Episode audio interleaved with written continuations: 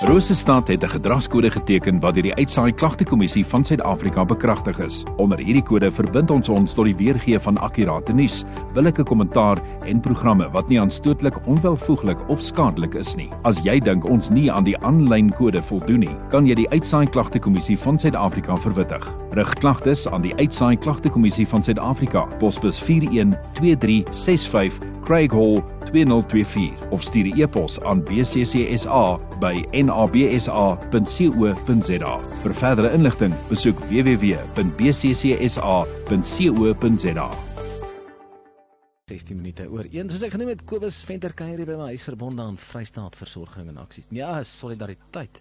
Solidariteit help en dan het ek nou daai ene verkeerd gehad. Maar dit ook al sê Kobus, hartlike goeiemiddag en uh, baie baie welkom. Lekker om jou hier hier by my te hê vandag. Middag Michiel, baie baie dankie. Dit is altyd lekker om hier te kuier. Kobus Venter, hy is die streeksorganiseerder daar by Solidariteit Helpende Hand. Kobus hierdie jaar het nou afgeskop, maar ja, soos ek julle ken, is jy seker al reeds besig met 'n hele paar produkte, so ag nie produkte nie, projekte, maar hulle sê daai Engelse spreekwoord sê hit the ground running. Nee, kyk Michiel, jy het nou die waarheid daar gepraat. Ons het um, natuurlik begin met ons skooltassie projek, is een van ons oudste projekte. En ons het hierdie jaar weer so 5000 tassies nasionaal uitgedeel, so sure. 5000 in die Vrystaat. Die gedagte is maar om vir graad eentjie te gee dat hy op dieselfde vlak begin as sy maatjie langs. Ons glo dat ons self dieselfde moet begin en nie voor iemand anders begin nie. So daai skooltassie bestaan dan uit skryfbehoeftes uit en dan is daar ook 'n kroonkindersboekie in wat so 'n bietjie waardes vir die kinders leer. Wat ons kom agter is maar 'n ding wat 'n bietjie mm. bietjie agterweë bly. Ja. Ons het dan ook al reeds 65 slimbokse uitgedeel hierdie jaar. Ek gaan nou 'n bietjie daaroor praat. En dan kry ons natuurlik baie ander skryfbehoeftes versoeke. Iemand wat nou nie meer in graad 1 is nie, so um, hulle vra vir ons vir skryfbehoeftes. En dan is dit ongelooflik. Ek is in my 8ste jaar by Solidariteit Help en Hand. Hierdie jaar het ons kosesgelde en busgeld aansoek. Onthou ons betaal nie skoolgeld nie want jy kan aansoek doen vir kwytskelding. Kinders wat um, in die platteland woon waar daar nie meer Afrikaanse skole is nie wat dan in koshuise moet wees ja. wat hulle ouers dit nie kan bekostig nie, het ons meer as 6 100 000 rand se aansoeke gekry Sjoe. net in die Vrystaat, nie nasionaal nie, net in die Vrystaat Sjoe. en ons het reeds so 420 000 rand goedgekeur waarmee ons kinders dan help hierdie jaar sover. Ja, dis wonderlik. Ja, ehm um, en dan het ons um, ons is besig met braaf die boerbol te toer. Dit is daai liedjie van Jan Jan Jan wat ons leer om bietjie braaf te wees en ons is besig om by 18 Vrystaatse skole dit op te voer. Ons was verlede week by 'n paar en hierdie week gaan ons aan en ons ons leer kinders waardes en ons fokus regtig op vriendelikheid, omgee en om behulpsaam te wees. Gesels met Kobus Venter, streeksorganiseerder by Solidariteit Helpende Hand. Watse ander projekte beplan julle vir die jaar wat voorlê?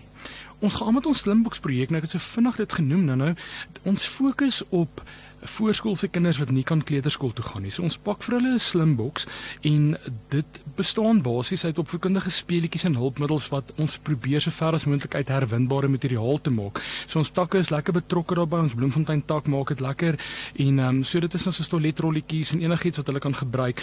En daarin dan ook 'n klomp instruksies en dit gee ons dan vir die mammas wat dan met hierdie kinders kan werk sodat alhoewel hulle nie kan kleuterskool toe gaan nie dat hulle 'n ouderdomsgebaseerde oplossing het waarmee hulle kan dit doen. Ons maatskaplike werkers identifiseer dan natuurlik die kinders en ons deel dan hierdie slimbokse uit. Ons het 'n ander ding, ek weet baie mense het 'n pompoen kompetisie maar help en ons het nou ook 'n pompoen kompetisie. Ons het dit ehm um, al, altyd in ons takke gehad wat wat ons se pompoen die die swaarste pompoen wen nou maar. Die idee daar agter is natuurlik die pompoene wat inkom word dan verwerk en ons gee dan vir die mense kos daarmee. Hierdie jaar gaan ons in die in die streek, die verskillende dorpe gaan dan hulle pompoene kweek en dan gaan ons kyk watter pompoen is die grootste en daai dorp gaan dan 'n plantkoepel wen wat um, ons vir huisgesin gaan gee wat dan gewen het om om lekker by hulle eie huis lekker groente te kan kweek. Dit is 'n baie oulike prys. My vraag net altyd Kobus, hoe finansier julle al hierdie projekte? Michiel, en soos ek ook altyd sê, ons is wonderlike ondersteuners en jy kan 'n ondersteuner word deur slegs R50 'n maand te gee, maar die meeste van ons fondse word deur ons winkels gegenereer.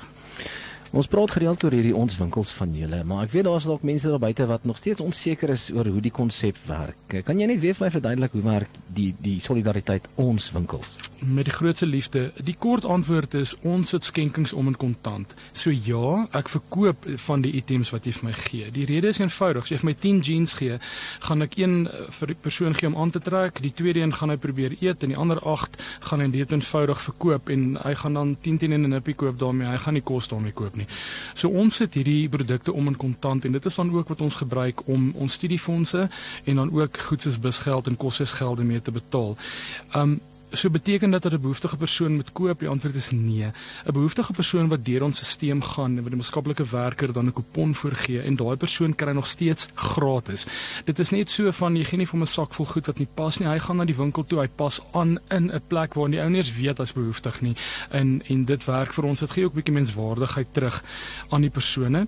Ek wil sommer van die geleentheid gebruik maak sien dat ons nou daaroor praat.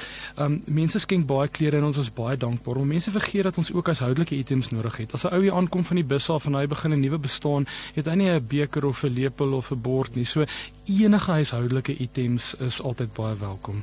So daar is definitief 'n behoefte daaraan ook. Waar kan luisteraars met jou in kontak kom as hulle enigsins 'n bydrae wil maak of navraag? Dit sal wonderlik wees om sommer te kontak op my selfoon, dis 079 488 1964 my e-posadres is kobus met 'n k kobus@helpendehand.co.za. Die twee winkels is by Bloomgate en Nybelsig, maar dit kan ou sommer net Facebook of Google as jy sê ons winkel Bloomgate of Nybelsig gaan al die detail daarop kom. Net weer daai kontaknommer van Kobus by Solidariteit Helpende Hand is 0794881964 of stuur 'n e-pos aan kobus @helpendehand.co.za. Kobus baie sterkte vir die jaar wat voor lê. Ons sal weer gesels en sterkte met al die projekte wat jy aan die gang het. Dankie Michiel en dankie vir elke luisteraar wat ons ondersteun.